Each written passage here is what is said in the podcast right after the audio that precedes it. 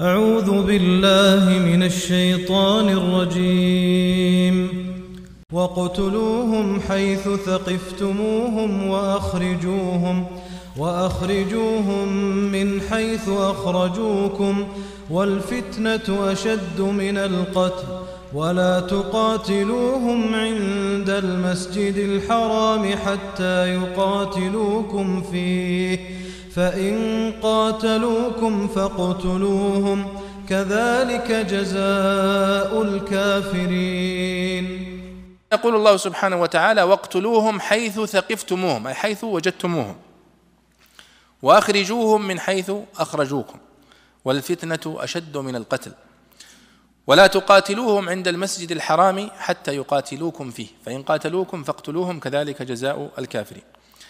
من أهم هذه الأحكام في هذه الآية أنه لا يجوز البدء بالقتال في المسجد الحرام إلا إذا قاتل المسلمين أهله.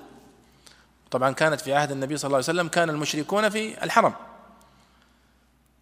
فالأصل في المسجد الحرام انه محرم القتال فيه ولا يجوز فيه رفع السلاح ولا ترويع الآمنين. إلا إذا هم بدأوا بالقتال فإنه في, في هذه الحالة يجوز دفعهم بالمقاتلة.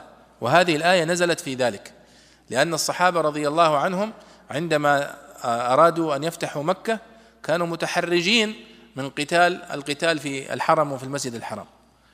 فنزلت هذه الآيات لتبين أنه يجوز مقاتلة هؤلاء إذا قاتلوكم في المسجد الحرام. فخذوهم واقتلوهم ثم قال ولا تقتل ولا تقاتلوا عند المسجد الحرام تقاتلوهم عند المسجد الحرام حتى يقاتلوكم فيه يعني هم يبدأون فإن قاتلوكم فاقتلوهم. لاحظوا حتى في هذه الآية فيها فائدة بلاغية ربما البعض ما يتنبه لها. الله قال فإن قاتلوكم فاقتلوهم ولم يقل فإن قاتلوكم فقاتلوهم. والفرق بينهما أن قوله تعالى فإن قاتلوكم فاقتلوهم إشارة إلى أنه أنكم لا تترددوا في مقاتلتهم في الحرم بل احرصوا على قتلهم وليس مجرد قتالهم.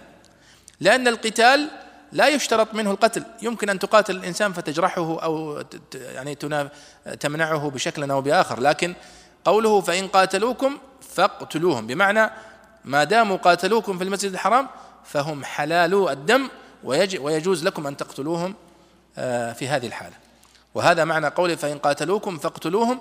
فيه إشارة وحث للصحابة أو للمسلمين أن يخلصوا في ردع هؤلاء لدرجة قتلهم كأنه يأمركم بقتلهم قتلا تاما حتى ولو كانوا في المسجد الحرام. فكأنه قال نعم المسجد الحرام حرام والكعبة حرام لكن إذا رفع السلاح فيها عليك أيها المسلم فإنك أغلى وأثمن منها فقاتل من يقاتلك فيها واقتله. فهذا هو معنى قوله فإن قاتلوكم فاقتلوهم. طيب. وطبعا في قوله في آخرها كذلك جزاء الكافرين إشارة إلى أن من يفعل ذلك في الحرم ويبادر بالقتال في الحرم أنه أشبه ما يكون بالكافر إن لم يكن كافرا. آه، وهذا هو معنى آه، يعني ختامه بهذه المعنى. ثم قال فإن انتهوا فإن الله غفور رحيم. فيه إشارة أن قاتل العمد له توبة. لأن الكفر هو أعظم من القتل. وقد أخبر الله سبحانه وتعالى أنه يقبل توبة الكافر فمن باب أولى توبة القاتل العمد. وهنا مسألة أيها الإخوة لا أريد أن أنساها تتعلق بآيات الأحكام في القرآن الكريم وهي مسألة التوبة. الله سبحانه وتعالى قد ذكر التوبة في القرآن الكريم من كل الذنوب ومن كل المعاصي ومن كل الكبائر وأنه سبحانه وتعالى هو الوحيد الذي يقبل التوبة عن عباده ويأخذ الصدقات ويعفو عن الذنوب. وليس لأحد من البشر أن يقبل توبة أحد من البشر أو يرفض توبته. هذه أيها الإخوة أيضا من خصائص التشريع الإسلامي في القرآن الكريم. لا يمكن أن توجد في حتى أنه سبحانه وتعالى هذه صلاحيات فوق صلاحيات البشر فوق صلاحيات الوالي فوق صلاحيات الخليفة فوق صلاحيات الشرطة وهو أنه سبحانه وتعالى يعفو. قال فمن فإن فمن تاب قبل أن تقدروا عليه فإن الله غفور رحيم. حتى أنه قبل بعض الحدود ورفع عنهم العقوبات إذا تابوا قبل أن يقدر عليهم الحاكم. وهذه في القوانين الوضعية غير موجودة. القوانين الوضعية كلها تؤاخذ على الذنب وتجرم أما هذا القانون السماوي فإنه الله سبحانه وتعالى يقبل التوبة رغما عن أولياء الدم. يقبل توبة القاتل العمد ويغفر له ويتجاوز عنه ويرضي سبحانه وتعالى كما شاء أولياء المقتول. لكنه سبحانه وتعالى يقبل التوبة ويعفو عن السيئات. ولذلك كما تعلمون النبي صلى الله عليه وسلم عندما قتل وحشي. قتل حمزة بن عبد المطلب. وكان من أحب الناس إلى النبي صلى الله عليه وسلم. ثم أسلم وحشي. ليس من صلاحيات النبي صلى الله عليه وسلم أن يرفض توبة وحشي وإسلامه. فأسلم. وكذلك عمر بن الخطاب لما أسلم قاتل أخيه كان يكره عمر أن يراه لكنه ما كان من صلاحياته أن يرفض توبته وإسلامه. ولذلك كان يقول غيب وجهك عني.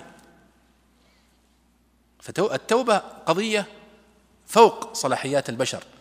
ولذلك التوبة مقرونة كثيرا بآيات الأحكام في القرآن الكريم وخاصة آيات الجنايات القتل والسرقة وغيرها.